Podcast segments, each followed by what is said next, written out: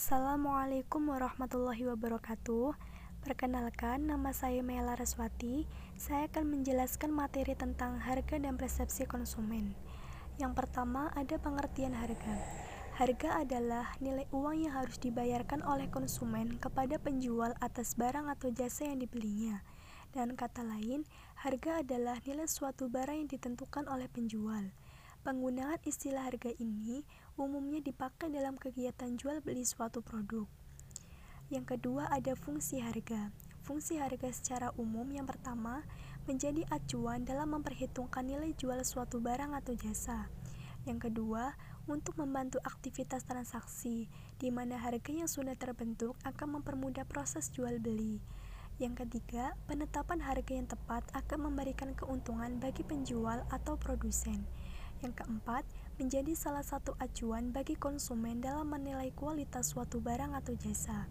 Yang kelima, membantu konsumen dalam pengambilan keputusan yang berkaitan dengan manfaat produk dan daya beli konsumen.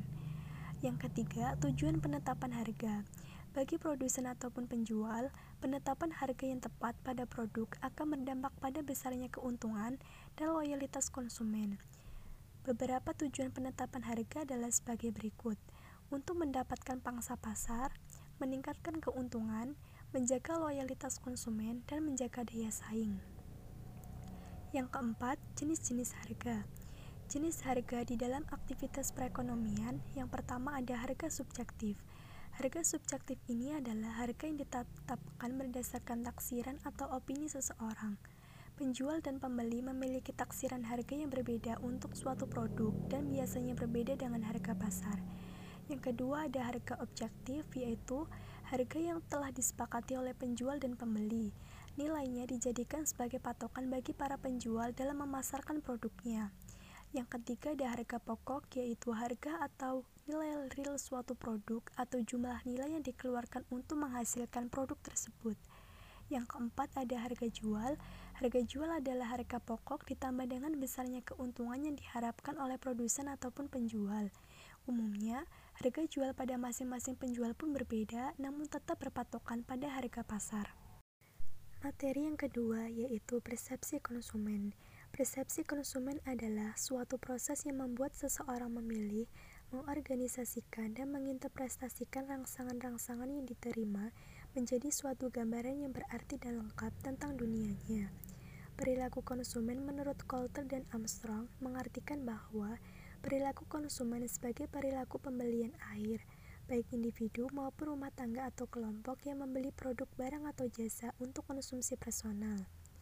Dari berbagai pengertian, maka diketahui bahwa persepsi konsumen adalah suatu proses di mana konsumen memilih, mengorganisasi, dan menginterpretasikan atau memaknai sebuah informasi yang didapat menjadi suatu gambaran yang memiliki arti tertentu atau dapat dirasakan melalui perhatian, baik secara selektif, distorsi, maupun retensi. Yang kedua, bentuk-bentuk persepsi. Yang pertama ada persepsi visual, yaitu persepsi yang didapatkan melalui indera penglihatan. Yang kedua, persepsi auditori, persepsi yang didapatkan melalui indera pendengaran. Yang ketiga, persepsi peraba, yaitu persepsi yang didapatkan melalui indera taktil. Yang keempat, persepsi penciuman, yaitu persepsi yang didapatkan melalui indera penciuman atau olfaktori. Yang kelima, persepsi pengecapan merupakan persepsi yang didapatkan melalui indera pengecap. Yang ketiga, karakter yang mempengaruhi persepsi. Menurut Robbins, persepsi dapat dipengaruhi oleh faktor dari dalam karakter individu masing-masing. Karakter tersebut dipengaruhi oleh yang pertama sikap. Faktor ini terjadi apabila dua individu yang sama namun memiliki pengertian yang berbeda akan sesuatu yang dilihat satu sama lain. Sikap merupakan kecenderungan yang dipelajari untuk berperilaku dengan cara yang tetap, baik itu menyenangkan atau tidak tertahap pada objek tertentu. Yang kedua, ada motivasi. Rasa ketidakpuasan individu terhadap mutu suatu produk akan mendorong mereka untuk memiliki pengaruh yang kuat terhadap persepsinya. Semua individu mempunyai kebutuhan, hasrat, dan keinginan, dorongan bawah sadar yang membentuk perilaku bersifat biologis, psikologis, dan moral individu semua yang berorientasi kepada tujuan. Tujuan merupakan hasil pencarian perilaku yang mendapat stimuli. bentuk atau arah yang diambil, perilaku atau tujuan yang dipilih merupakan hasil proses berpikir dan proses dari pembelajaran sebelumnya. Yang ketiga, interest. Tidak diragukan lagi bahwa minat seseorang dengan orang lain pasti berbeda.